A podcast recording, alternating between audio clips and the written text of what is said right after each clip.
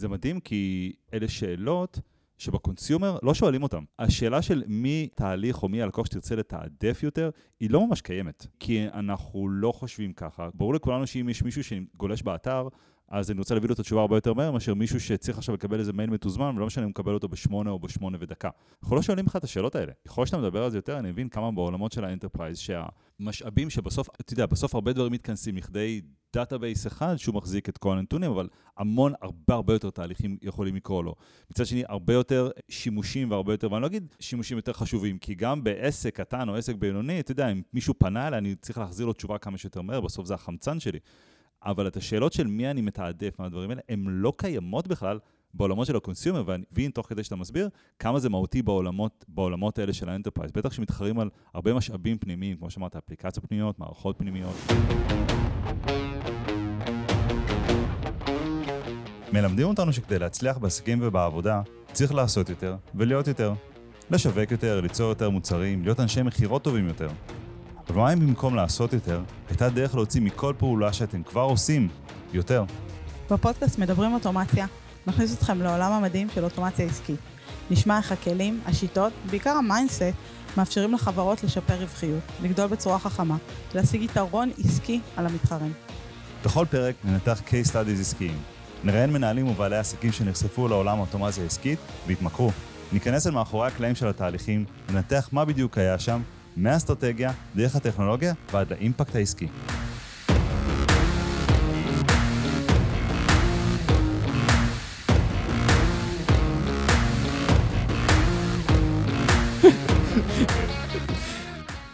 טוב, היי לכולם. אה, ענת אה, חולה, ענת לא מרגישה טוב, הודיעה לנו הבוקר שהיא לא מרגישה טוב, אנחנו שולחים לה המון המון המון ברכות ו- ו- אה, ולבבות ותחושה מאוד מאוד נעימה.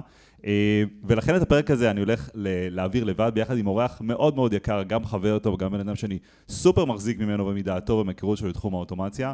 דן פורט, היי דן. אהלן, אהלן. מה העניינים? כל דבש. דן הוא, אה, הוא איש אוטומציה בכל רמה חבריו, הוא באמת מהאנשים האלה שחושבים אוטומציה, הוא גם בן אדם שהכיר לי את זאפייר ב-2013, אי אז, שאף אחד לא ידע מה זה. אה, והיום אתה גם מנהל מכירות אזורי בחברת מיולסופט, שהיא חברת בת של סיילספורס. אה, רוצה לספר לנו קצת עליך, קצת על מיולסופט, גם סיילספורס, גם שמעתי על החברה הזאת, זה פעם או כן, פעמיים. כן, משהו קטן. אה, אז אני אספר קצת על עצמי. אז אני אה, בעצם הרבה שנים הייתי איש פיתוח, ואוטומציה תמיד היה עבורי כלי. כאילו זה לא כן. היה העיקר, זה היה כן. אוטומציה ואינטגרציה. זה היה מין כזה בדרך בשביל לממש את מה שאני רוצה, אבל בעצם זה לא היה העיקר. אה, אתה הכרת לי את Make לשעבר Integromat כן. בזמנו. והתחלתי, ואני מאוד אוהב, מאוד, אה, מאוד התאהבתי בקלות שעושים את הדברים. דרך אגב, הרבה מאוד אה, אוטומציות עוד עשיתי לבד, נכון. עם אורקסטרציות, וכתבתי הרבה קוד שעושה את הדברים האלה לבד. אתה איש Python. כן. פייתוניסט. פייתוניסט, אני מת על זה. עוד לפני זה הייתי פרליסט, שזה היה זוועה. אז אני מת על זה. אמ, והיום הגעתי לזה, בשלב כלשהו עזבתי את הפיתוח, עברתי למכירות, והיום הגעתי לאיכשהו, אה, ממש שה... שה hobby או התחביב או מה שעזר לי הוא באמת מה שאני מרוויח ממנו את פת לחמי זה ממוצר אוטומציה אה, ואינטגרציה. אה, אז ספר לנו על MuleSoft קצת למי שפחות מכיר את, המערכת, וזה גם מוביל אותנו לנושא של הפרק הזה, בעצם כל העולמות של האוטומציה ב enterprise, לעומת אוטומציה ב commercial, מה שהרבה מכירים, הרבה מאיתנו מכירים בתור ה Make וה Zapier וה Pipedream וכל העולמות האלו. אז ספר קצת על MuleSoft. אז... אמ, MuleSoft הוא מוצר enterprise, כשב enterprise בעצם מה שאנחנו מסתכלים עליו, נגיד במוצרים כמו Make, או Pipedream או אחרים, זה אה, אנחנו מסתכלים על מציאות שהיא נותנת לנו את הכל, גם את החיבוריות וגם את האוטומציה. כלומר, גם שמשהו קורה, תעשה ככה וגם תעשה ככה. אה, כשבעולם ה enterprise זה מחולק לאינטגרציה, כן? אינטגרציה כן. של מערכות וניהול של API ים, שזה עולם אחר. אוקיי. אבל הוא קשור מאוד מאוד מאוד. אה, אני אסביר קצת, אני ארד עוד notch לעומק. כי בעולם ה enterprise, הרבה מאוד מהמערכות, כאילו, אם אנחנו עכשיו מסתכלים על נגיד Make, uh, אז מה רוב הלקוחות רוצים? לחבר בין מערכות קיימות, Google Sheets. Pipedrive, לחבר ביניהם, ואלה החיים שלהם. בעולם ה enterprise, הרבה מאוד מהמערכות הן פנימיות, הן אפליקציות בעצם שפותחו על ידי הארגון, לא אפליקציות חיצוניות, לא SaaS ים שאנחנו uh, רוכשים ב-9 דולר לחודש, אלא אפליקציות ארגוניות כבדות, שעכשיו הארגון רוצה... לחבר אותם, לצורך העניין, ולעשות ביניהם אוטומציות שונות, וגם לשלוט ב-API ים, איך שהם עובדים, בגישה אליהם, בהרשאות אליהם וכן הלאה. כלומר, מה אנשים בתוך הארגון, או אפילו אולי לקוחות שמשתמשים בה, שהלקוחות של הארגון, יכולים לעשות עם אותם אפליקציות הפנימיות שפותחו בארגון, שנבנו שם. בדיוק. אם אנחנו נסתכל על זה קצת ביותר גדול, בעולם האנטרפרייז, האנטרפרייז רוצה לבנות לעצמו Integromat משל עצמו. וואלה. אוקיי? בגדול, כשאנחנו מסתכלים על זה, אז אה, חברות שיש להן מספיק אה, קוד, הם רוצים שלמפתחים שלהם יוכלו פשוט לקחת מודול כזה, מודול כזה, לשים אותם בצורה גרפית כזאת, כמו שאנחנו יודעים לשים במייק, כן. פשוט לקנפג כמה דברים, ושאז זה יאפשר להם לבנות אפליקציות ארגוניות או חיצוניות ללקוח, על בסיס המייק הזה, או האינטגרומט הפנימי, שזה בעצם מה שאנחנו עושים, יש עוד כמה חברות שעושות דברים דומים, זה פשוט לאפשר לארגון לעשות כמו Make פנימי, שהוא גם יכול להיות חיצוני, כלומר, אתה יכול לאפשר גם למפתחים אה, לאנטגרץ אה, אה, לצורך העניין כל SaaS שאתה רוצה לתוך הסיפור הזה, כן? אתה יכול לאפשר להם לחבר, בדיוק כמו ב Make, אבל גם לאפשר להם לחבר את כל המודולים הפנימיים. זאת אומרת שאם אני, אם אנחנו מאוד מכירים את העולמות, ושוב, נדבר, נדבר על Make פה הרבה, כי, כי, כי זה מקבילה טובה וזה... וגם הרבה מהאנשים שמאזינים לפודקאסט מכירים את Make, עובדים עם Make, כבר, כבר יש להם ניסיון. בעצם אם Make אומר לי, תקשיב, בוא תיקח את ה... את, אה, אה, אה, אפליקציות שקיימות out there, שקיימות Google Sheets או Google Drive או כל דברים כאלה ואחרים, ואנחנו נותנים לך את היכולת. לכל אחד בעצם לחבר ביניהם ולעשות ביניהם תהליכים עסקיים משמעותיים, אתה אומר, בעולמות של האנטרפרייז רוצים לעשות את אותו דבר, אבל לא עם בהכרח עם כלים שהם אה, זמינים ו- ופנויים ובעצם כלים שהם בענן וזמינים לכל אחד ב-X דולר לחודש, אלא במערכות קטנות גדולות ש, של הארגון עצמו, שהארגון עצמו פיתח, ויותר מזה, הארגון רוצה לתת את הכוח לעובדים שלו, לצוותים הפנימיים שלו, וגם אולי ללקוחות, בעצם להיות בעצמם אנשי ה-No-Code בהקשר של המערכות הפנימיות של אותו ארגון. הגדרתי את זה נכון או שסיבכתי את זה? זה מדויק, יותר מזה הוא אומר, המפתחים שלי, למה שיפתחו עוד פעם, הרי בואו נחזור קצת, נרד קצת עוד לרמת הקוד, אני יודע שרובנו מתעסקים בנו קוד, אבל אם אתה רוצה עכשיו לכתוב ברמת הקוד, אתה צריך ממש, ממש כל פעם לפנות ל-API ולהבין איך נכון. הוא עובד, ולפתוח לפעמים את הפורט המתאים, ולעשות כל מיני, כל מיני דברים, כשב Integromat לדוגמה, ב Make שאנחנו מתעסקים, זה לא מעניין אותנו, אנחנו עושים שלושה קליקים, ואנחנו מחוברים נכון. למה שאנחנו רוצים. נכון. המטרה היא ש... לעשות את אותה קלות, עם האפליקציות הפנימיות, שבשלושה קליקים לא אכפת לי איך זה עובד וזה לא מעניין אותי, אני מתחבר ל...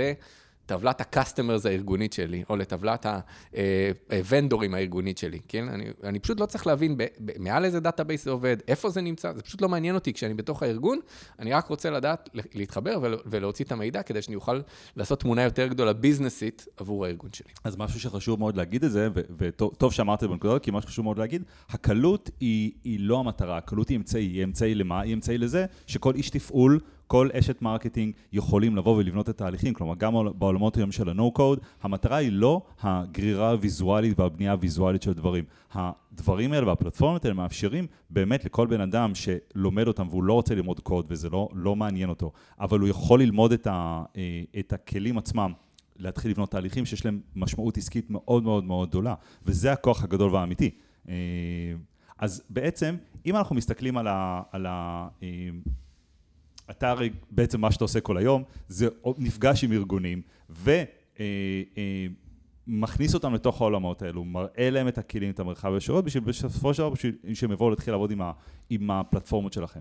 אה, מה אתה פוגש בתור החסמי כניסה בארגונים לכלים האלה ולפלטפורמות האלה של ה-No-Code, Low-Code? אז uh, התשובה היא שאני לא כל כך פוגש uh, חסמי כניסה כמו קודם כל חינוך שוק. הרבה מאוד מהשוק לא, לא כל כך מכיר את הכלים האלה בעולם האנטרפרייז. אני יכול להגיד שגם את הכלים שהם לא בעולם האנטרפרייז, גם לא הכי מכירים. כלומר, אני חושב שלעולם האוטומציה יש עוד טונה לאן לצמוח, כן? ואני מסתכל על כל הכלים, החל מהכי low, הכי קונסומר גרייד זאפיירים, ועד לעולם האנטרפרייז, פשוט הרבה מאוד אנשים, אני מדבר גם על אנשים בכירים וגם על מפתחים, לא מכירים את הכלים האלה. גם אני, שאתה הכרת לי את Integro, אתה אומר, איך אני לא מכיר את הדבר המדהים הזה? כאילו, וגם בעולם ה corporate, בעולם האנטרפרייז, לא כל כך מכירים את זה, אוקיי? הם מכירים כלים מאוד מאוד כבדים, שמקסימום הם עושים איזושהי אינטגרציה, אבל הם לא מכירים את היכולות, ה, אה, אני אקרא לזה החצנה, או, או מייקיות או גרפיות שמאפשרות לעשות תהליכים נורא נורא בקלות, הם לא מכירים את זה כל אבל כך. אבל מי האנשים שצריכים להכיר? כי אם אנחנו חושבים על אה, עסקים קטנים או עסקים בינוניים, אז אתה יודע, בסוף, הרבה פעמים מי שמשתמש זה גם מי שמחליט. אבל אנחנו יודעים שבארגונים זה ממש לא ככה, והדבר הזה צריך לעבור... אה, כמה וכמה אנשים צריכים להגיד רוצה אני, כדי שהדבר הזה באמת ייכנס, או אתה יודע מה, אולי רק מי ששם את הכסף צריך להגיד רוצה אני, אבל כדי שישתמשו בזה בפועל, גם הלקוחות הקצה, שזה אותו איש תפעול, אשת marketing, הם גם צריכים לבוא ולהגיד, אה, וואלה, אנחנו מאמצים את הדבר הזה. וזה לא בהכרח פשוט בארגון שבו אה, א', ארגון גדול, וגם בארגון של כל אחד יש בסוף גם את ה... אתה יודע, יש לו את המספיק משימות שלו, בשביל שאין לי עכשיו כוח וזמן ללמוד פלטפורמה חדשה וללמוד משהו חדש, עזוב, תן אני, אני כבר אפיק את ה Excel הזה, שאני יודע, אני עושה את זה ב... ב זה לוקח לי חצי יום, אבל fuck it, אני כבר יודע לעשות את זה, ואני לא צריך ללמוד שום דבר חדש. אז יש פה אה, פן מאוד מאוד גדול של חינוך, איך, איך באים לארגון ואומרים לו, תקשיב, זה טוב בשבילך הדבר הזה. אז השאלה היא מאיפה זה מתחיל, כן? מי האנשים בתוך הארגון שרוצים את זה. אז זה יכול לבוא מכמה כיוונים. אחד, זה יכול לבוא מה-CIO או CFO. למה? כי אני לא יודע בכמה ארגונים, אה, כאילו יוצא לכל המאזינים אה, להיתקל בהם, אבל לפעמים אתה בא ל-CIO או ל-CFO, הוא אומר, אני רוצה אה, שתעשו לי את התהליך הזה והזה. ואז יורד, יורד, יורד לפיתוח, אומרים לו, אין בעיה, ייקח שנה וחצי. ואז ה-CIO או CFO אומר, אה, משהו פה לא תקין. כן. כל מה שאני רוצה זה לדעת כמה לקוחות השתמשו במוצר בצורה הזאת והזאת בחודש האחרון. נראה לכם שזה אמור לקחת עכשיו אה, שנה וחצי לפיתוח. ואז מתחיל איזה רחש בחש בחברה, אומרים, רגע, רגע, בואו בוא נראה איך אפשר לעשות את זה אוטומטי. יותר מזה, בואו נעשה מערכת שפעם הבאה שהוא יבוא עם דרישה הבאה, נוכל כבר לעשות ריוס מלא לכל מה שעשינו, לטמפלט לצורך העניין את כל מה שעשינו, כדי שהדרישה הבאה, לאפליקציה הבאה, לשאילה, לשאילתה הבאה, תיקח כבר חצי מהזמן, או רבע okay. אוקיי. מהזמן, או שמינית מהזמן, או ש... כמה שניות, לעומת השנה וחצי הזאת.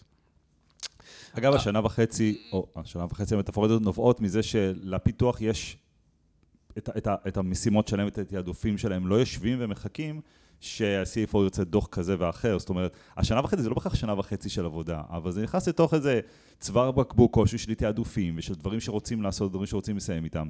אה, אוקיי, ובוא ניקח את זה מפה עכשיו באמת, איך... אה, אה, אז אמרנו, אחד מהמקומות זה ה-CIO, CFO, מלמעלה. אופציה ב', שזה קורה, הרבה פעמים זה בא מלמטה.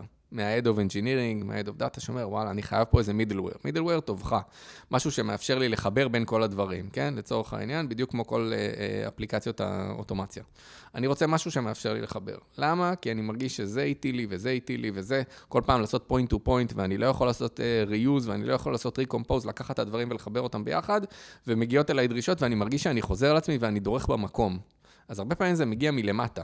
ואני רוצה משהו, ואז זה מגיע משם. אוקיי. Okay. והאופציה השלישית, זה לפעמים מגיע מכמה מקומות ביחד, שהם לא בדיוק האנשים הכי נמוכים המתכנתים, נגיד, מגיע מה-Head of CRM וה-CPO. אה, Chief Product. Chief Product, או ה-Head of CRM וה-CO, Chief Operations. למה? כי ההוא יש לו בעיות ברצפת הייצור, וזה בדיוק אומר שהוא רוצה לחבר את זה לתוך ה... עם ה-CRM, הוא רוצה לדעת עכשיו כל פגם שיש לנו בשבב בתהליך הייצור, איך הוא משפיע בסוף על הלקוח הסופי, מתי הוא יקבל את המוצר. אוקיי. Okay. וזה חיבור גדול, תבין, זה חברות שמייצרות, כן. נגיד, במאות מיליוני דולרים בחודש, והם עכשיו רוצים לדעת כל דבר איך הוא משפיע, או רוצים לדעת כשהאונייה נתקלה בגלים, כשמובילה את המוצרים מסין, איך בסוף זה ישפיע על המפיצים בישראל, ויפ...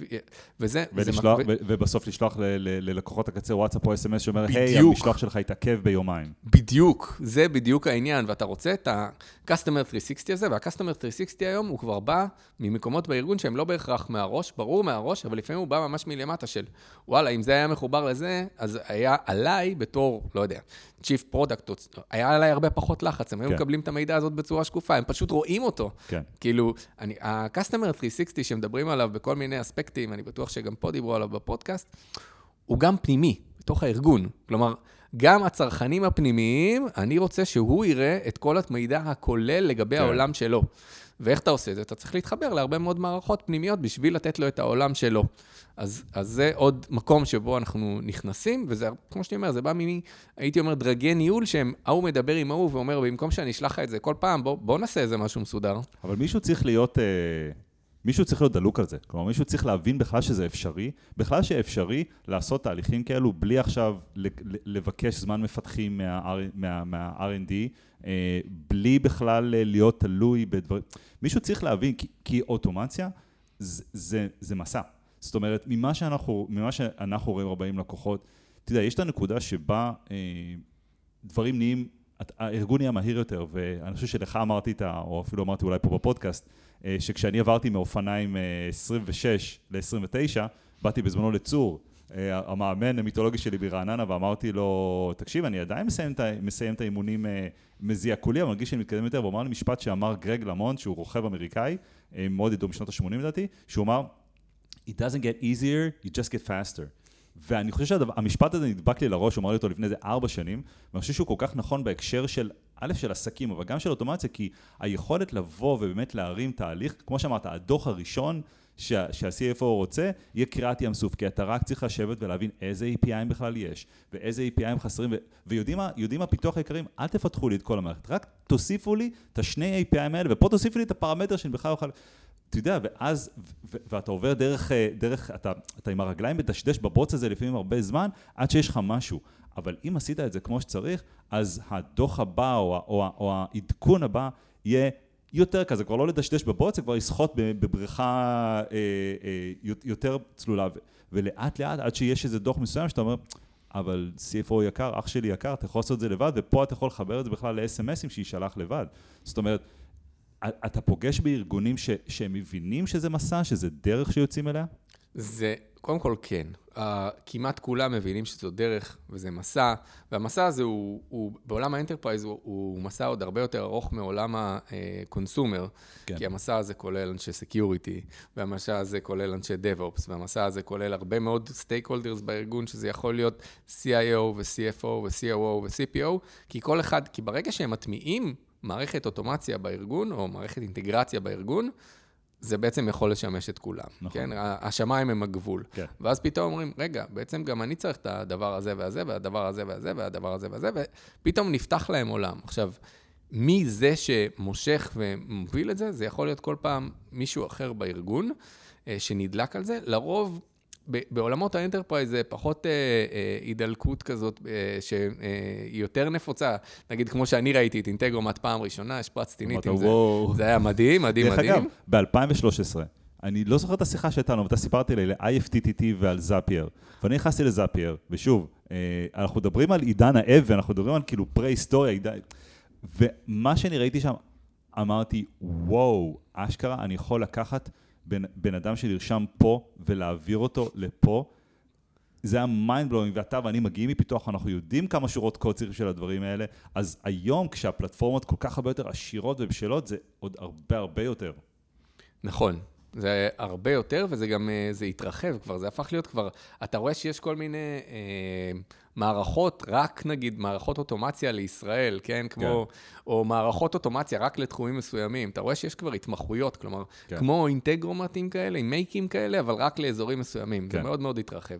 גם בעולם ה enterprise זה אה, גדל וצמח והפך להיות... אה, אה, כאילו, זה, זה הפך להיות ממערכות אינטגרציה למערכות אוטומציה.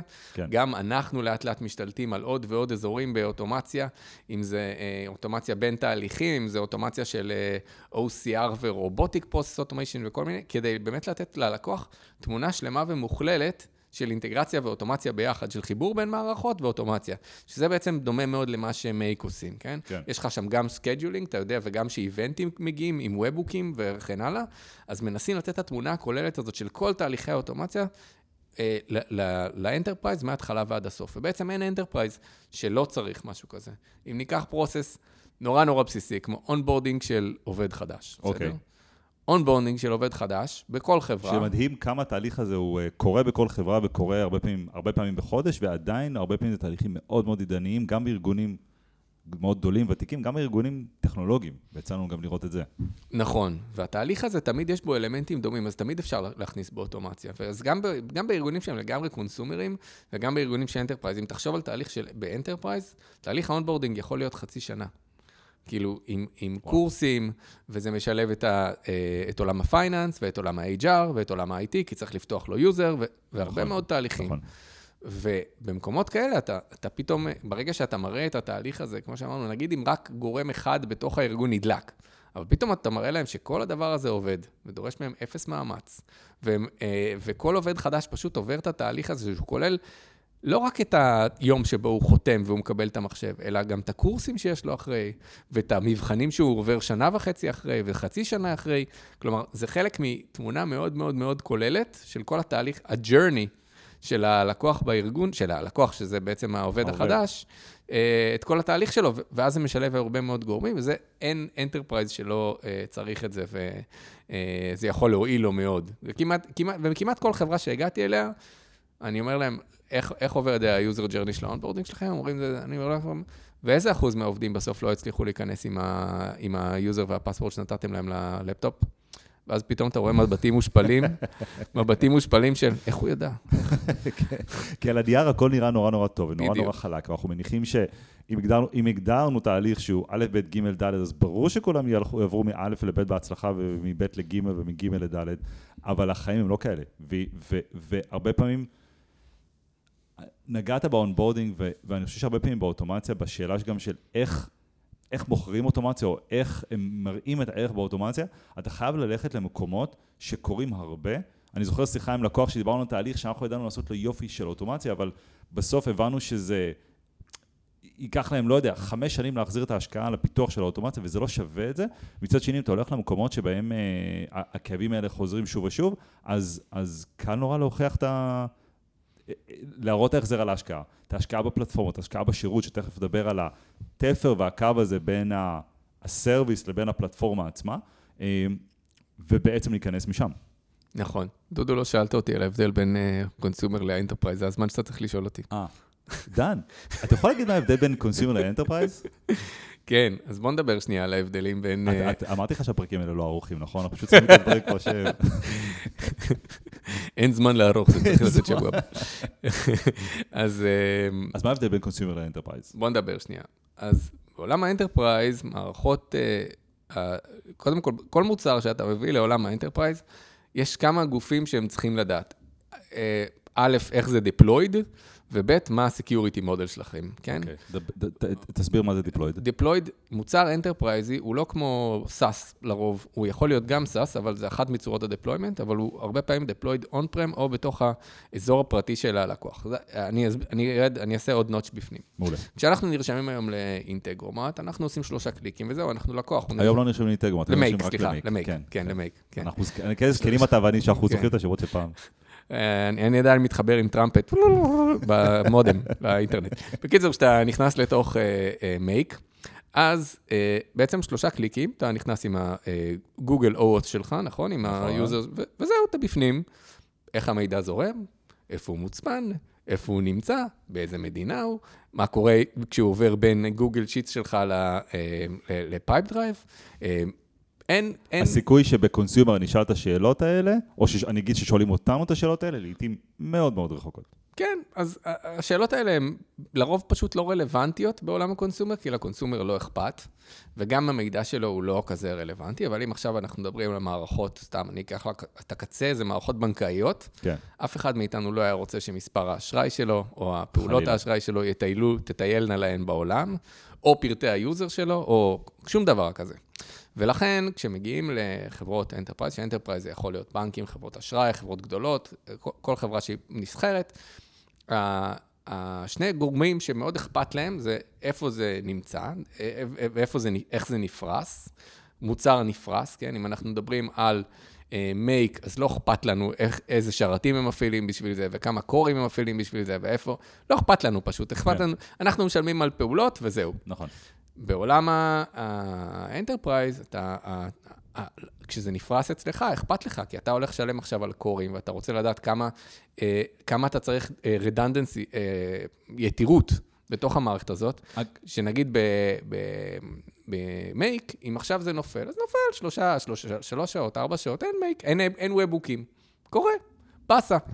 בעולם הקורפורט והאנטרפרייז, הדברים האלה, אתה מתחייב לאיזושהי, SLA קוראים לזה, לאיזושהי עמידות בפני הלקוח.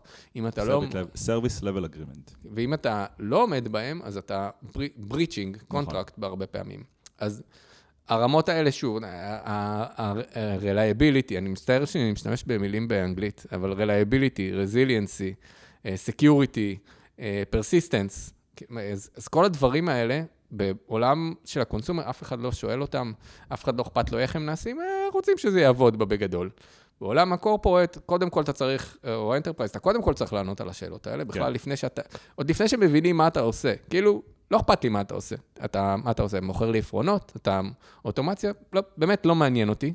קודם כל תסביר לי. תגיד לנו איך אתה עומד בכל אחד מהפרמטרים האלה. לפני שאתה נכנס בדלת, כן? קודם יש כל... יש, יש תקנים הרי, נכון? יש אה, ממש... יש SOC 2, ויש יש היפה, ויש כל מיני תקנים לכל מיני דברים. מעבר לתקנים האלה, אתה צריך להיות ערוך ומוכן לכל השיחות המאוד מאוד עמוקות האלה, טכנית, מאוד.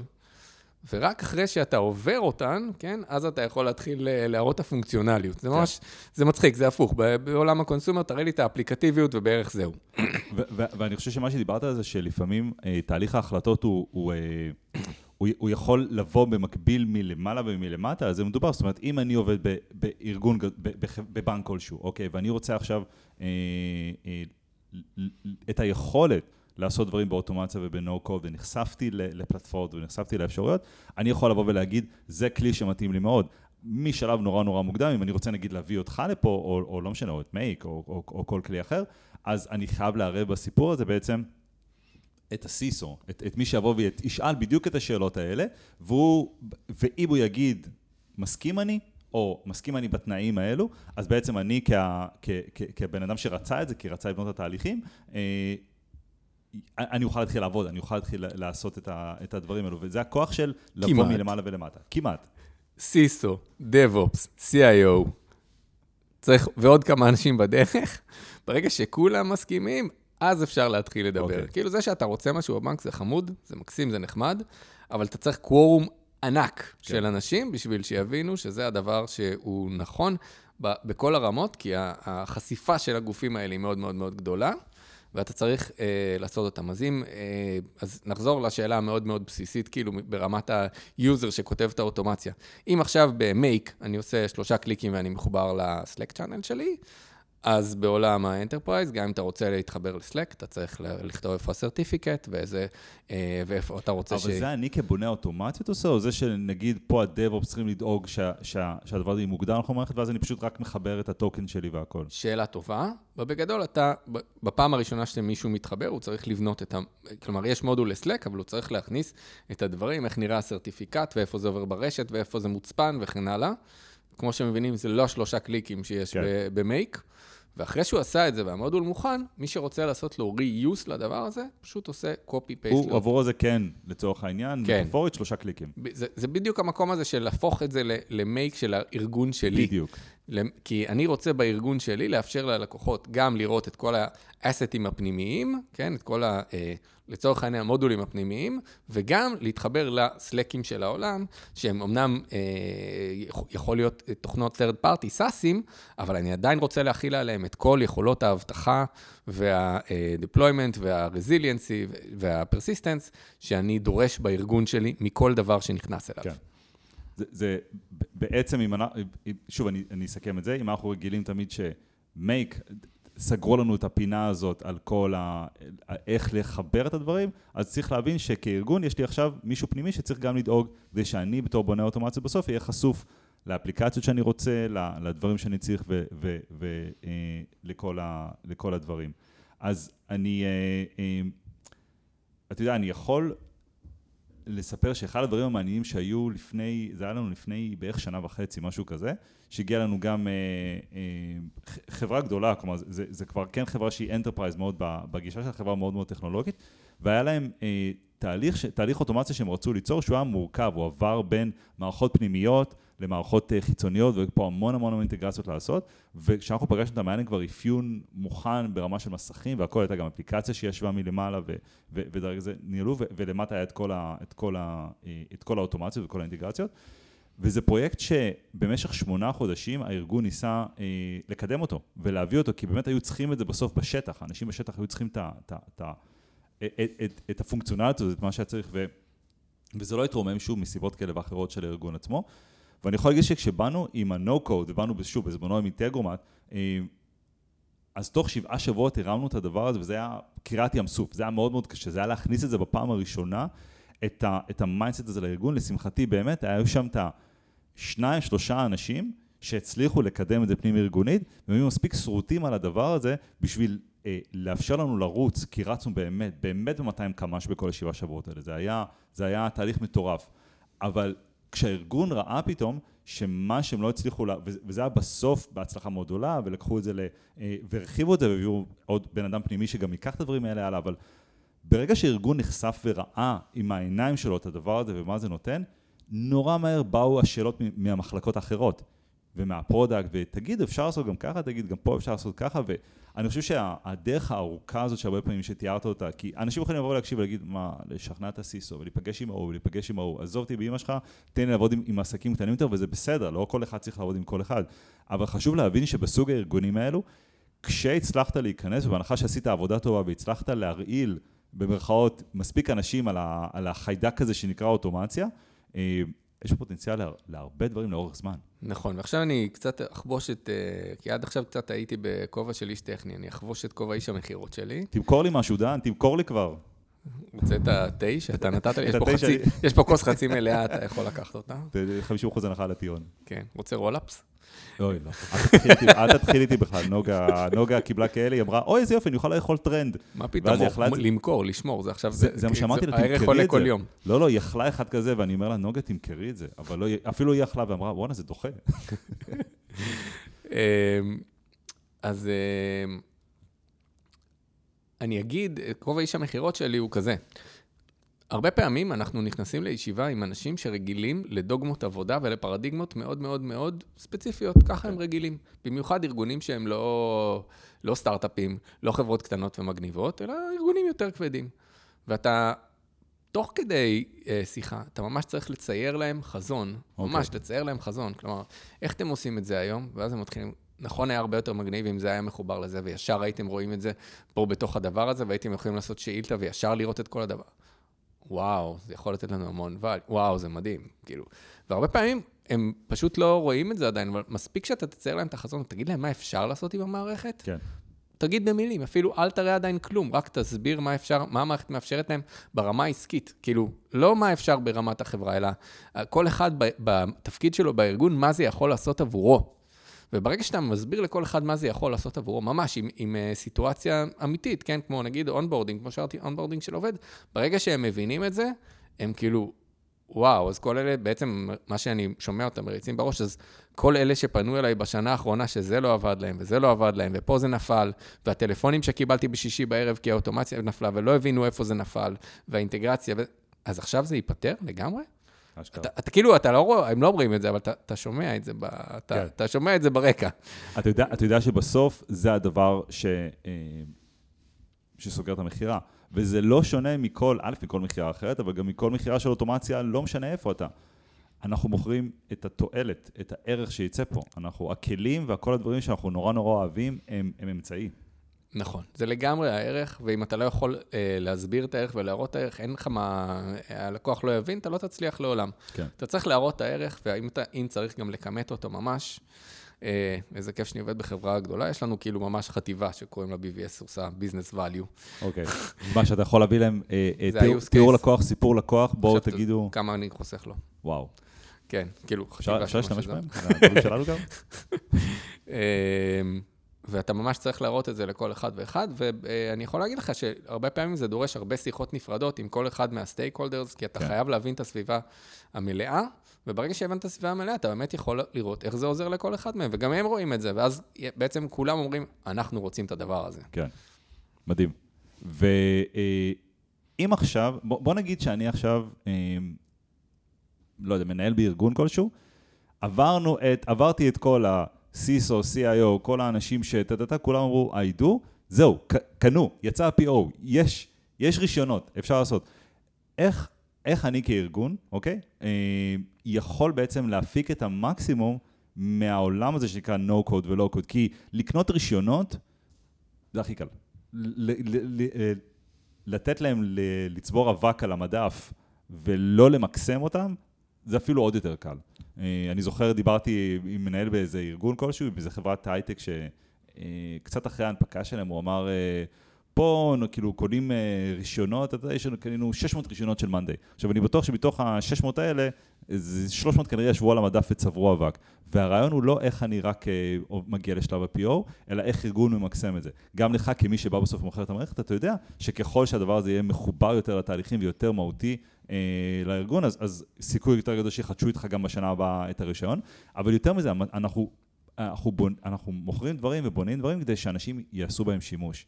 אז איך ארגון... שלצורך העניין, אפילו הוא הכי לואו-טק שיש, אוקיי? הוא לא עכשיו איזה חברת טכנולוגיה שאנשים שם חושבים כל הזמן אה, טכנולוגיה, אלא הכי לואו-טק שיש, יכול למקסם בעצם את ה-low-code ואת ה-no-code.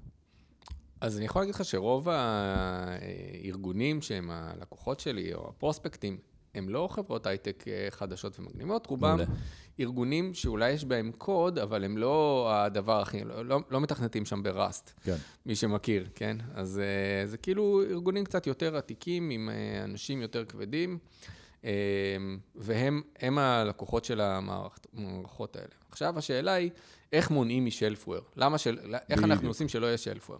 שאלה מצוינת, טוב מאוד. רגע, רגע.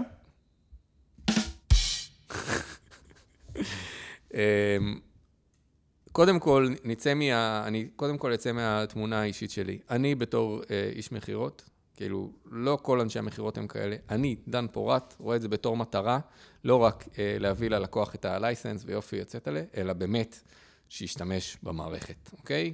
דרך אגב, כי אתה, כי אתה גם אה, התחלת מלהבין את ה-value בדברים האלה לפני שבאת ואמרת, וואו, אני הולך למכור את הדברים האלה. זאת אומרת, לא נכנסת לעולם הזה כי חיפשת עבודה במכירות, נכנסת לעולם הזה כי אתה אמרת, וואו, אני סופר מאמין בו, אני גם אוהב למכור, אז בואו נהפוך את הדבר הזה.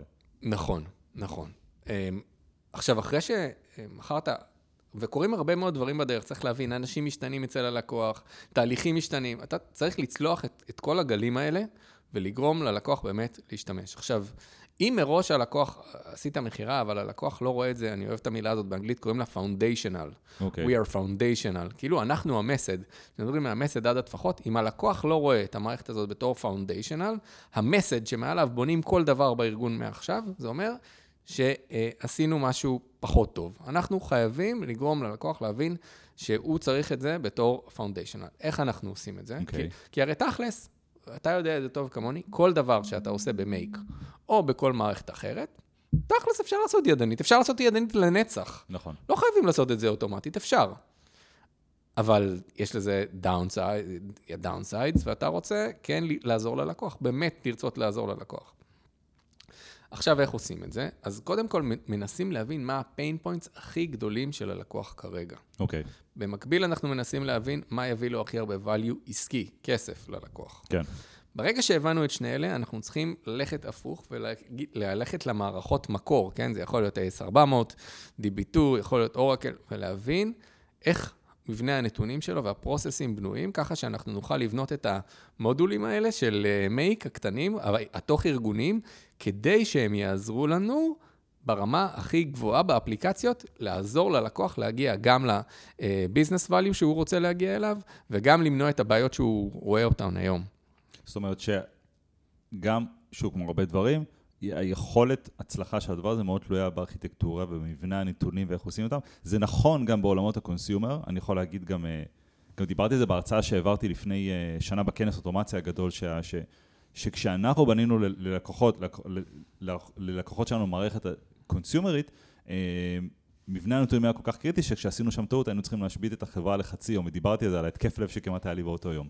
אתה אומר אותו דבר, רק שפה אני תלוי, אתה תלוי, או הארגון תלוי בדברים כאלה הרבה פעמים, ובכלל במבנה נתונים שנבנו לפני 30 שנה בימי אנו באנו ארצה. נכון, ויש שם ג'ובים שרצים, אתה חייב להתמקד בהם ולהבין בדיוק איך הכל ממופה. דרך אגב, לא צריך שכל הארגון ביום אחד יעבור לאוטומט, מעכשיו הכל נעשה mm-hmm. מעל מייקו, היום הכל נעשה מעל מיולסופט. זה, זה, זה לא עובד ככה. אתה נכנס לפרויקט, אתה מתחיל למפות, כן? זה חריג מאוד שיש ארגון שבא ואומר, אני רוצה, יש באזבורד כזה, אומר Digital Transformation, אני כן. רוצה שכל הארגון שלי מעכשיו יהיה חדש, מגניב, נוצץ. לרוב יש עוד פרויקט, ולאט לאט מעבירים תכנים, אה, מעבירים אה, אה, חיבוריות או אינטגרציות ממערכות קיימות למערכת שלך. הכל נעשה בצורה מאוד מדורגת, שימשיך להיות ה production, שימשיך לזוז, שימשיך לעבוד. תחשוב על חברת ביטוח, אתה לא רוצה שביום אחד ברור. יעבירו הכל למערכת שהם עוד לא בדקו, אז הם עושים הכל. זה גם ניהול סיכונים, כלומר, אני כארגון חייב לנהל סיכונים במקום הזה. נכון, חייב לנהל לא סיכונים. אז, אז בעצם מה שאתה עושה, אתה עושה, כמו שאתה עושה POC, או אתה מראה דמו ללקוח שיצליח, אתה מתחיל בלהראות הצלחות קטנות. אחרי שעשית את ה... הבנת את הבעיות הגדולות, הבנת את ה-business value הכי גדול, מיפית את המערכות, המערכות תחתית, אתה מתחיל בניצחון קטן. ואז אתה מראה ניצח, עוד ניצחון, ועוד ניצחון, וכמה שאתה מראה עוד ניצחונות, כלומר, עוד use cases ועוד use cases קטנים, לא כל החברה. כן. לא. לאט לאט אתה צובר מומנטום בתוך הארגון, ואנשים רואים כמה זה עוזר, כמה זה חוסך, כמה זה נורא קל לעבוד עם זה. פתאום אתה רואה את זה ויזואלית, פתאום אתה רואה, אתה מקבל אינדיקציות כשמשהו לא בסדר, פתאום אתה יכול לשלוט ולשלוט במי פונה למה. לרוב אנחנו מגיעים לארגונים שהם פשוט בלגן, כן? הכל בבלגן. כל אחד כותב את ה-API איך שהוא רוצה, אף אחד לא יודע, אם משהו נופל זה יכול להיות ימים עד שמגלים, בלגן. ואז אתה בא ואתה מראה, נכון הייתם שמחים שהכל יהיה במקום אחד, שתראו ב monitoring, שתוכלו לעשות throttling למי שפונה למערכת הזאת, מי שלא פונה למערכת הזאת. throttling, תן שתי מילים על זה. אז אם אנחנו מדברים על... אה, אה, דרך אגב, throttling קיים היום גם במערכות נכון, כמו Make. נכון. כלומר, Make, נגיד, לא מאפשרים לכם לפנות יותר מ... לא יודע, עשרת אלפים פעם בדקה לאותו אה, מודול, או משהו כזה. זה, יש, יש ל Make, לצורך העניין, מדברים על זה, יש אה, אה, מגבלה לכמות ה webhook ים, או גודל התור, אה, אה, בעצם מנהלים את ה throttling בעזרת תורים, אני, אה, יש מגבלה על גודל התור ל webhook ים נכנסים לדוגמה, כי את הקריאות ש Make עושה החוצה, הוא עושה החוצה, ותפקיד המערכת השנייה, ואז זה פוגש את ה-rate limiting וה throttling של המערכת השנייה, אבל יש גודל של תור מסוים של בקשות ש Make יכול להחזיק, שיותר מזה אומר, תקשיב, אם דחפת יותר מדי בקשות ולא הצלחתי לרוקן את התור, את הבקשות הבאות אני אזרוק לך, רק שיהיה לך ברור. אז, אז זה גם קיים שם למי שחושב שזה רק... רק משהו שיש בעולמות ה enterprise. אז, אז, אז, אז בעולמות ה enterprise זה מאוד דומה, אבל זה למערכות פנימיות. ואז מה אני אומר? אני אומר, נגיד, יש לי database uh, גדול שמכיל לי את הלקוחות של, שלי, אני חברת ביטוח, ועכשיו בניתי מודול שבעצם מפשט את המפשיט, עושה abstraction ל database, אף אחד לא צריך לדעת, הוא בעצם המודול שאני שם בתוך ה... MuleSoft, כן. או ה Integromat, ה Make הפנימי שלי, ועכשיו כל מי שרוצה לפנות פונה מעל הדבר הזה. כן. Okay? אוקיי? עכשיו, יש לי שני גורמים שרוצים לפנות, אחד זה זה שמחשב משכורות, והשני זה, אה, המודול השני זה זה שעושה לי ביטוח לרכב, כן. בסדר? לצורך העניין. או אחד זה זה שעכשיו אה, פונה במקרה אסון, נותן את הפיצוי, ועכשיו, אחד הוא פחות חשוב מבחינת הזמן שהוא עונה. כלומר, okay. אוקיי. נגיד מוד, מודול אחד או אפליקציה אחת, היא יכולה לענות גם בהפרש של דקה, הלקוח לא יראה את זה. לא מעניין אותו, נכון. כאילו הלקוח סופי. אבל האפליקציה השנייה, היא פונה, היא מדברת עם, ה, עם המובייל, נגיד, איזושהי אפליקציית מובייל שמדברת עם אותה טבלה. אם הלקוח לא מקבל תשובה תוך millisecond, הוא עובר, לה, הוא יכול לעבור למתחרים. נכון. כן, גם אני, גם אתה וגם אני, בסוף, כל ה, מה שדיברנו עליו בסוף, בסוף, בסוף, עושה manifestation, מתבטא באיזושהי אפליקציה, אנחנו רוצים להזמין ביטוח לרכב, אנחנו רוצים שהכל ייעשה ב mobile שלנו, אנחנו רוצים שהכל ייעשה מהיר. לא אכפת לנו שהם צריכים לפנות לחשב הכללי, אני לא יודע, לבנק ישראל, לבדוק לא אם יש לנו קרדיט, לא לנו שזה יושב על database ים בני 40 שנה. לא קרדיט, אנחנו רוצים שהכל ייעשה. עכשיו, מאחורה יש הרבה הרבה הרבה מודולים כאלה אוטומציות שהולכים, כן. API ים שמדברים אחד עם השני, שבסוף מביאים את כל המידע למקום אחד, מאפשרים לנו לקנות ביטוח. כן. בשנייה. עכשיו, אנחנו רוצים בתור business לעשות throttling, שאם מישהו עכשיו פונה אלינו בקצב גדול, אומרים לו, استنى شوي, חכה רגע.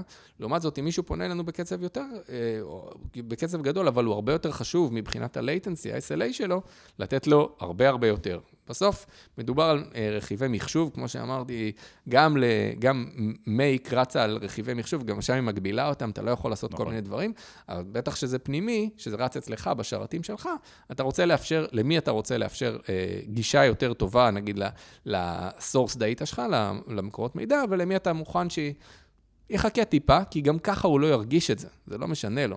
זה מדהים, כי, כי אלה, דבר, אלה שאלות שבקונסיומר לא שואלים אותם. זאת אומרת, בקונסיומר, אם, אם אני בונה תהליך אוטומציה לעסק בינוני כלשהו, השאלה של מי, מי התהליך או מי הלקוח שתרצה לתעדף יותר, היא לא ממש קיימת.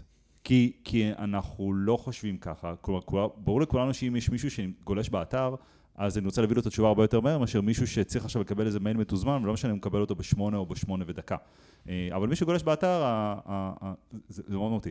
אנחנו לא שואלים לך את השאלות האלה. וככל שאתה מדבר על זה יותר, אני מבין כמה בעולמות של ה enterprise, שה... ה, אה, שבסוף הרבה דברים, אתה יודע, בסוף הרבה דברים מתכנסים לכדי database אחד שהוא מחזיק את כל הנתונים, אבל המון, הרבה הרבה יותר תהליכים יכולים לקרוא לו. מצד שני, הרבה יותר אה, שימושים והרבה יותר, ואני לא אגיד שימושים יותר חשובים, כי גם בעסק קטן או עסק בינוני, אתה יודע, אם מישהו פנה אליי, אני צריך להחזיר לו תשובה כמה שיותר מהר, בסוף זה החמצן שלי.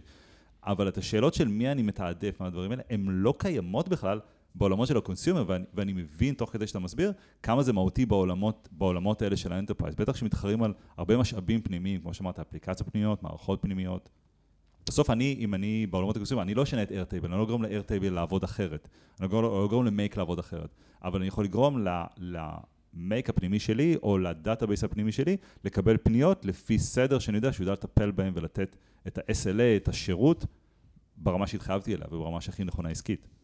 אה, לגמרי, זה, חלק מסט השאלות וסט השיקולים שיש ב enterprise, שהוא פשוט שונה. זה גם הסט של כמה אני רוצה redundancy, רפליקציות, כלומר, עכשיו נגיד ב Make אתה מתחבר ל Google Sheets, אוקיי?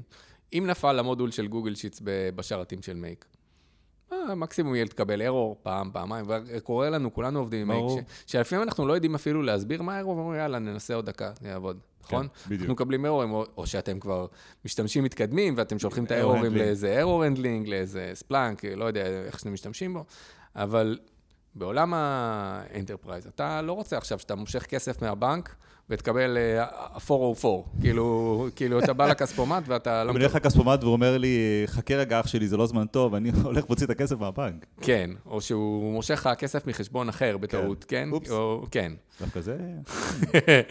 אז, אז כל הדברים האלה הם אה, דברים שבעולם ה enterprise מאוד מתחשבים בהם, וכאילו לקחתי בנקים בתור דוגמה קיצונית, כן. אבל גם חברות כמו ironSource לצורך העניין, בסדר? חברה שצריכה לחשב כמה כסף מגיע למפרסמים בכל כן. שנייה שהיא, אתה רוצה לדעת, המפרסמים רוצים לדעת איזה פרסום שלהם עובד, ממש ברמת השנייה. נכון. אתה צריך לחבר הרבה מערכות של billing, של כמה הם הוציאו, של, של אה, כל, מקור, כל יעדי הפרסום שלהם וכן הלאה, ולאפשר להם שהכל יגיע למקום אחד.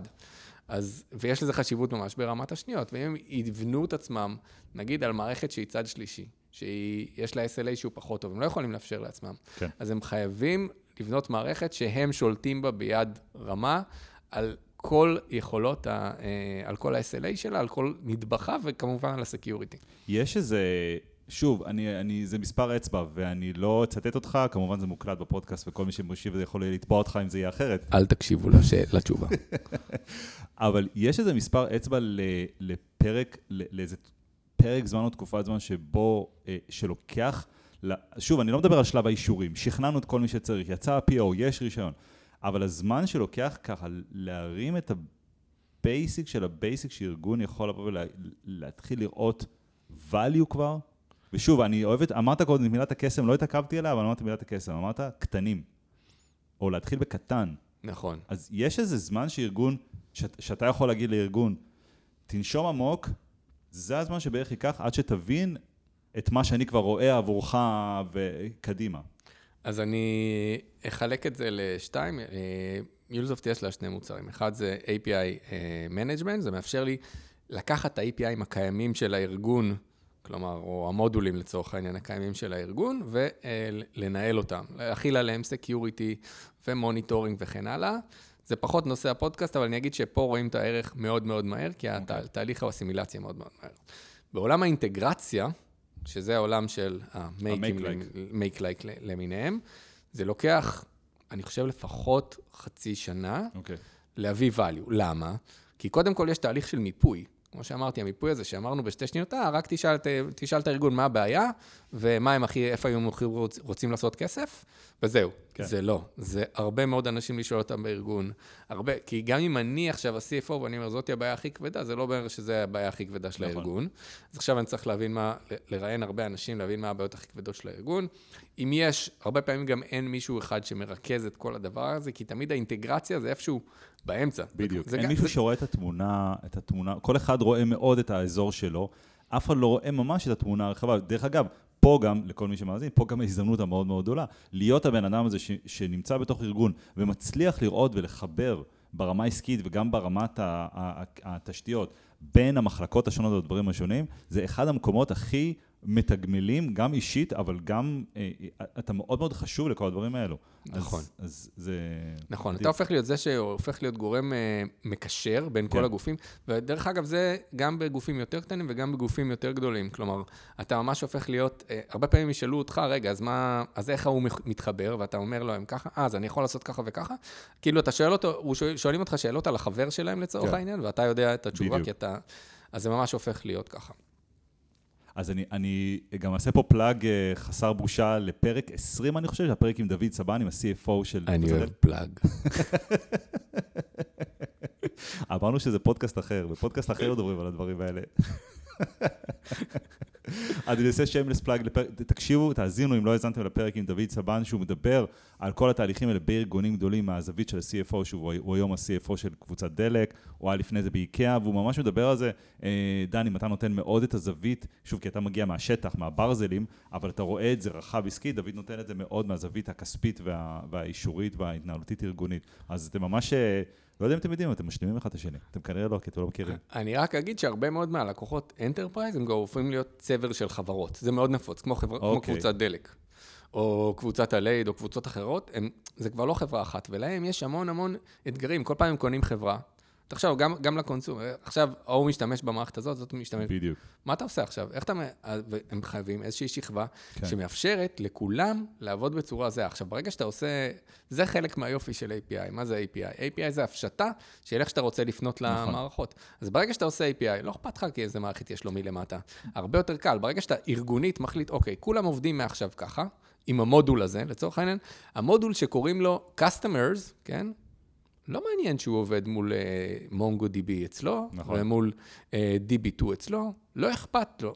ואז מה שקורה זה שכל האוטומציה הזאת שבנית בתוך ה-Make-Like, בתוך מיולסופט, היא ממשיכה להתקיים, היא עובדת. כשהארגון במקביל יכול להחליף את התשתיות, לעדכן אותם, וכל העולמות, כאילו כל העולמות האלה של abstraction ולבנות דברים עם interface ים, אתה ואני מכירים את זה מעולמות הפיתוח, כי אם יש משהו שאתה לומד אחרי כמה שנים בפיתוח, זה שמה שחשוב זה לא הזמן של ככה לכתוב קוד, זה חשוב הזמן שאתה משקיע אחר כך בתחזוקה, יכול להיות במכפלות אדירות של זה. תחזוקה ובדיקות. ובדיקות, והרבה פעמים שעובדים עם abstraction, אז אני יכול באמת לבוא ולהגיד, אוקיי, אז יש לי ישות כזאת שנקראת customers, אני פונה, אני כל הממשקים שלי מולה, לאט לאט הארגון ובלי קשר הולך, מעדכן את התשתיות, מחליף לדברים חדשים ועושה את זה כי הוא צריך, כי עוד שנייה שרתים של משנת 74, אה, בדיוק. כבר אה, אין, אין, אין רכיבים יותר לקנות להם, והוא רוצה לעבור לענן. אבל זה לא משפיע על, על השכבת האפליקציה, על האיש אוטומציה, שבסוף, על, ה, על, ה, על החיבור לאתר של הלקוח שמבקש עכשיו הצעת מחיר, והאוטומציה ניגשת למודול של ה-customers, היום היא ניגשת ל... אה, ל database משנת 74, וכשנסיים את השדרוג של ה database ים לענן, אז הוא ייגש לאמזון. ולי, כמי שעשה בעצם באתר תהליך של קבלת הצעת מחיר, הגשת תביעה, לא משנה מה, שום דבר לא משתנה. בדיוק. וזה קסם, זה קסם הדבר הזה. בדיוק, זה חוסך המון המון זמן, ממש. והמון המון המון המון כסף. ממש. ברגע שארגונים מבינים את זה, שזה גם במעבר לענן, וגם באיחוד בין חברות שונות, וגם בקונסולידציה אה, אה, של כל מיני דברים, אז הם מבינים את הכוח שיש בזה. גם בכלים האלה, כן, גם ב MuleSoft, נגיד, יש mocking ויכולות, אה, המון, המון המון יכולות שליטה ובדיקתיות של, כן. ה, של המודול עצמו, שמה שעבור אה, משתמשי ה consumer Make עושים לבד, כן, הם לא יוציאו לשוק אה, מודול שיש בו באגים, נכון. אבל מה שזה מאפשר זה באמת לבנות מעל זה, כן, מה שכולנו עושים, כמו ב Make, מחברים מודול למודול למודול למודול, ומבחינתנו, זה, ש... זה שבסוף יש מודול למודול למודול למודול, אנחנו יודעים בוודאות שזה יעבוד, כי המודול הבסיסי כבר הוא בדוק, נכון, אנחנו יודעים שהוא עובד. נכון. אותו דבר בדיוק גם ב enterprise. אז אני חושב שאחד, ה... בעצם הנקודה האחרונה שאני רוצה לדבר עליה, לפני ששנינו נגיד מה אנחנו למדנו על אוטומציה השבוע, זה בעצם החיבור והתפר שעובר והסינרגיה בין אמ, חברה כמו MuleSoft, חברה כמו Make, שמוכרים אה, אה, אה, את הכלי, את הפלטפורמה, לבין ה service provider ים, שזה אנשים שבאים ו- ונותנים את השירותים, כי כמו שאמרת, אתה בשביל להצליח למכור מערכת ללקוח מוצריך, אתה צריך להבין את הצרכים והדברים שלו, אבל אבל היכולת שלך לרדת וממש להבין את ה bits and bytes של היומיום של כל מה שקורה, היא מוגבלת והיא מצומצמת, כי ופה המקום שנכנס ממה שאני רואה, או מה שאני, תסביר לי, המקומות של חברות שבעצם נותנות שירותים ומלוות ארגונים מעל הפלטפורמות האלו. אז אתה רוצה להגיד איך נראה התפר הזה, איך נראה החיבור הזה?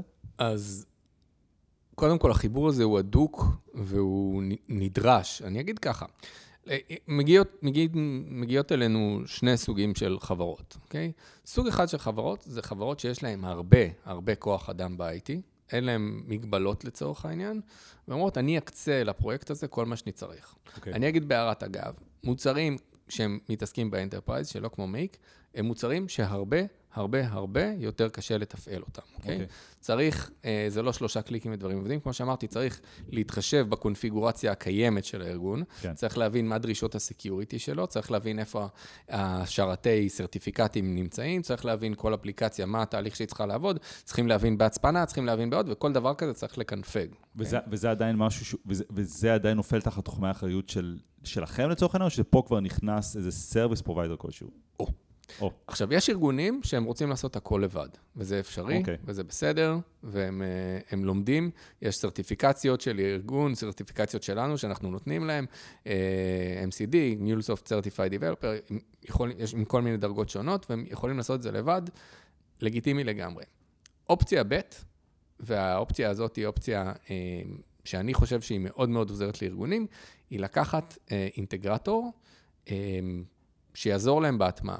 אינטגרטור שיעזור להם בשאלות, יעזור להם בהטמעה. אנחנו לא הולכים לשום מקום, יש לנו גם שירותי PS, Professional Services משלנו, שלקוחות בדרך כלל לוקחים אותם בתור ארכיטקטים, שיודעים להסתכל על התמונה הכוללת. סך הכל, הוא מוצר כל כך גדול ונרחב ניהולסופט, שצריך ארכיטקט שמכיר גם את סביבת הלקוח וגם את המוצר, כדי לעשות אופטימיזציה. שגם ש... ידע לבוא ולהגיד, זה, זה אתם צריכים, זה תתעלמו, זה לא רלוונטי לכם כרגע, זה... נכון. כאילו, אבל אתם צריכים את ה... שלושה המודולים האלה, ואת השני המודולים האחרים, אל תסתכלו עליהם אפילו, זה רק יבלבל אתכם, זה לא מה שאתם צריכים. זה גם המודולים, זה גם הקונפיגורציות, להבין איך המוצר עובד, כי כל מוצר עובד טיפה אחרת, צריך להבין איך לקנפג את המוצר הכי נכון עבור הלקוח, כדי שהוא יהיה אה, אופטימלי עבורו גם ברמת ההוצאות וגם ברמת הביצועים. אז בשביל זה לוקחים לרוב אה, ארכיטקט שלנו, אבל הדרך המועדפת היא לקחת אינטגרטור מההתחלה. הסיבה היא שפשוט אינטגרטור או פרטנר של הלקוח מכיר את הסביבה שלו בצורה מצוינת, יודע לעקוב אחרי הפרויקט מההתחלה, לתת את האינפוטים שלו כראי של משהו יותר גדול. הרבה פעמים מערך האינטגרציה, האוטומציה, הוא חלק מפרויקט הרבה הרבה יותר גדול של כן. הלקוח. הוא חלק מסביבה הרבה יותר גדולה, חלק משיקולים כלכליים הרבה יותר גדולים של הלקוח. ואינטגרטור שמכיר את הסביבה הזאת וגם מדבר בשפתו המקומית של הלקוח, יכול ללוות אותו מההתחלה ועד הסוף. אמ, ופרויקטים כאלה, צריך להבין, הם פרויקטים הרבה פעמים רב-שנתיים, אז ברגע שיש מישהו כזה שיודע לעקוב ולהחזיק את הידיים ללקוח וללוות אותו, וכנראה שהוא מכיר את הלקוח כבר מעוד כל מיני מוצרים אחרים שהוא מכר שם. כלומר, זה אינטגרטור שיכול להיות שהוא מכיר כבר את הלקוח. אז, כן. אז יש לזה value אדיר, אדיר, אדיר, אה, ואנחנו מאוד אה, מקדמים את הדבר הזה. אוקיי, okay. זאת אומרת, אמ, החיבור ובאמת, ה... דרך אגב, אתה, אתם מכניסים את ה... נגיד שהגעת לארגון כלשהו ונגיד ש... שעוד לא נסגרה שם עסקה, כלומר עדיין מדברים על הדברים, עדיין חושבים, אתה תכניס את, ה... את, את נותן שירותים כלשהו כבר בשלב ראשוני כמישהו שיכול לבוא ו... ולתת פה uh, הרבה added value על איך נראים תהליכים בארגונים ואיך דברים כאלה, או, או, או שתחכה עד שמשהו ייסגר ו... ואז תכניס את נותן השירות. תשובה היא חד משמעית כן, המטרה שלי... מה כן, שאלתי זה או זה? לא, לא. התשובה היא חד משמעית כן, להכניס אינטגרטור כמה שיותר מהר, כבר אוקיי. בשלבי okay. הדיזיין והשיחות. עכשיו, לא תמיד הלקוח מוכן וזה בסדר, אנחנו מחכים שיש מוכנות מצד הלקוח. הרבה פעמים זה דורש שהלקוח יראה קודם כל איזה POC, יראה איזה משהו, זה בסדר. כן. אבל המטרה היא להכניס אותו כבר משלב, ה... אני הייתי קורא לזה שיקולים. אוקיי. כשהלקוח עדיין יש לו שיקולים כאלה ושיקולים אחרים, להכניס את האינטגרטור. אבל אתה יודע, זה בהתאם למה שהלקוח אה, מעדיף. הרבה פעמים הוא ירצה קצת לדחות את השלב של אינטגרטור, כן. כי סך הכל להכניס אינטגרטור הרבה פעמים דורש מבחינת הלקוח גם בחינ... תהליך בחינה של אינטגרטור. לקחת שלושה אינטגרטורים מועדפים, לעשות כן. להם אה, בחינה כלשהי כזאת ואחרת, לבקש מהם הצעות מחיר וכן הלאה. הרבה פעמים הוא קצת יעדיף לדחות את זה. אבל העדפה שלי בתור ונדור היא ללכת תמיד עם שותף. תמיד, okay. אוקיי. תמיד, תמיד עם שותף. זה, אני יכול להגיד שהוא בצד של ה... של השותפים שהרבה פעמים מגיעים, שהם זה באמת בעל ערך, זה, זה, זה מצד אחד, דיברנו על זה בפרק, אה, בפרק על ה-CRM, בפרק 8 עם תמיר מירן, אה, שדיברנו שהרבה פעמים אה, חברות CRM שרוצות למכור רישיונות, הן רוצות כמה שיותר מהר להגיע לשלב של סגירה ומכירה, ובואו, לפני שמתחילים לדבר על מבנה ה-CRM והתהליכים והאוטומציות וכל הדברים האלה, בואו נמכור לך את הרישיון ואז נחשוב על זה. ומצד שני, וזה מתח מובנה שקיים, כי, כי, כי גם הארגון צריך להבין בכל סוג מערכת שהוא קונה, כמה שאתה אומר, איך זה יכול לתת לו את הערך הזה. אני, אה, אני מסכים שהרבה פעמים נותן שירותים כזה אה, יכול לראות את הדברים הרבה יותר לעומק, מצד שני, אה, אם נתחיל לדבר יותר על התהליכים, אולי לא נתמקד במה שרוצים עכשיו, שזה להתקדם עם הסגירה של המערכת וההתקדמות הלאה. זאת אומרת, זה איזה טנגו כלשהו, אני... מהצד של נותני השירותים אני באמת יכול לבוא ולהגיד שהרבה פעמים להגיע לשיחות ממקומות כאלה, ממקומות מוקדמים, אפשר לתת ללקוח הזה טעימה או תמונה רחבה של מה שהוא צריך, אה, ואז אפשר להחליט גם שאוקיי, בואו מתקדמים צעד צעד, מתקדמים בזה. יש פה את העניין של לרתום ארגון הרבה פעמים, שאנשים שונים יבואו ויגידו שהם אה, יבינו מה הדבר הזה הולך לעשות בשבילם. אז תהליך מאוד, תהליך איטרטיבי. כל מי שהולך לעשות תהליכים כאלה עם ארגונים, תנשמו עמוק, זה לוקח זמן. לגמרי, לגמרי. טוב, אה, דן, פה יש לנו פינה בפודקאסט שנקרא דבר אחד שלמדתי על אוטומציה השבוע, יש לה פתיח. טאדאם! אה, רוצה לספר לנו דבר אחד שלמדת על אוטומציה השבוע? אז אה, קודם כל, כל יום אני לומד משהו. כל שבוע אני משתדל ללמוד משהו, אני משתדל כן. ללמוד משהו כל הזמן. ספציפית, השבוע אני יכול להגיד שלמדתי שקונספטואלית עבורי, כשאני מצייר לעצמי את המערכת שאני מוכר, את MuleSoft, בתור אה, Make ל enterprise, כלומר, אני מתאר לעצמי את הסביבה ואת המודולים, ופשוט מסביר את זה כמו שאני מסביר, כמו שאני מכיר את, מהשימוש שלי את uh, Make, אז הרבה יותר זה עושה שכל ללקוח. יפה. הרבה פעמים צריך פחות להתמקד במצגות corporate יות ולהסביר בשפה שלך את מה זה עושה עבורו. זה מה שלמדתי השבוע. יפה. יפה, למדת למכור. Uh, אני יכול להגיד שאני שבוע, אני הייתי טיפה יותר טכני, אבל uh, נחשפתי למערכת של Whisper. Whisper אה, אה, מעל, אה, כאילו, שהוא משתמש של OpenAI בשביל לתמלל,